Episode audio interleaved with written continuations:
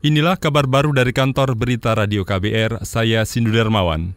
Istana Kepresidenan memastikan Presiden Jokowi tak akan menerbitkan peraturan pemerintah pengganti Undang-Undang Perpu untuk membatalkan Undang-Undang KPK yang telah disahkan. Kepala Staf Presiden Muldoko menyarankan publik yang tidak setuju untuk mengajukan uji materi Undang-Undang KPK ke Mahkamah Konstitusi. Dalam bernegara ini kan tidak ada ruang negosiasi, baik itu negosiasi secara politik dan negosiasi secara ketatanegaraan. Udah diwadahi secara ketatanegaraan, bagaimana proses politik udah semuanya tersedia. Salah satu wadahnya kan menerbitkan perpu, Pak. Ya, kan tidak harus itu. Hmm. Muldoko mengklaim pengesahan Undang-Undang KPK sudah berdasarkan mekanisme yang diatur dalam hukum tata negara. Saudara sebelumnya, sejumlah aliansi masyarakat dan mahasiswa mendesak Presiden Jokowi menerbitkan Perpu untuk membatalkan Undang-Undang KPK. Aliansi menilai Perpu menjadi salah satu jalan mewujudkan nawacita Presiden tentang semangat anti korupsi.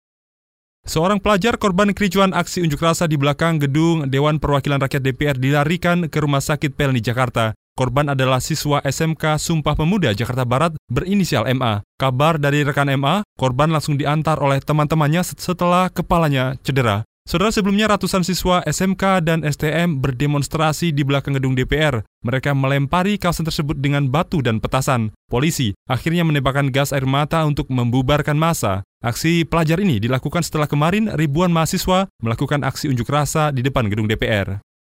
Komisi Pemberantasan Korupsi KPK menetapkan anggota Badan Pengawas Keuangan Republik Indonesia Rizal Jalil sebagai tersangka baru dugaan suap. Komisioner KPK Saud Situmorang menjelaskan, Rizal diduga terlibat suap proyek sistem penyediaan air minum SPAM di Kementerian Pekerjaan Umum dan Perumahan Rakyat. Dalam perkembangan perkara ini, ditemukan dugaan aliran sebesar 100 ribu dolar pada salah satu anggota Badan Pemeriksaan Ke Pemeriksa Keuangan Republik Indonesia dan dari pihak swasta. Sehingga kami menyimpulkan KPK membuka penyidikan baru dengan dua orang tersangka, nama RIZ, anggota BPKRI, kemudian LJP, Komisaris Utama PT MD. Komisioner KPK Saud Situmorang mengatakan Rizal diduga mengatur agar PT MD mendapatkan proyek di lingkungan Direktorat SPAM. Rizal diduga menerima suap sekitar lebih dari satu miliar rupiah dari PT MD. Perkara ini berawal dari operasi tangkap tangan yang dilakukan KPK akhir tahun lalu. Saat itu KPK menetapkan delapan orang sebagai tersangka yang saat ini telah difonis bersalah menerima dan atau memberikan suap.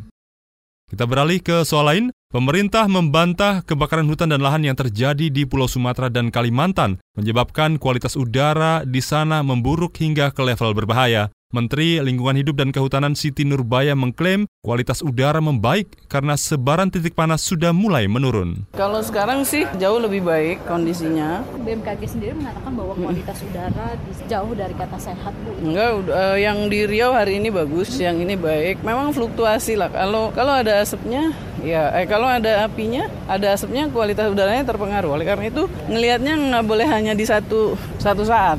Saya monitor terus tiap lima jam. Menteri Lingkungan Hidup dan Kehutanan Siti Nurbaya menambahkan upaya pemadaman api di Sumatera dan Kalimantan pekan ini lebih efektif dibanding sebelumnya. Sementara itu Badan Meteorologi, Klimatologi, dan Geofisika BMKG menyebut kualitas udara di Sumatera dan Kalimantan masih berstatus tidak sehat meski sudah diguyur hujan. Saudara demikian kabar baru dari kantor Berita Radio KBR, saya Sindu Darmawan. Salam.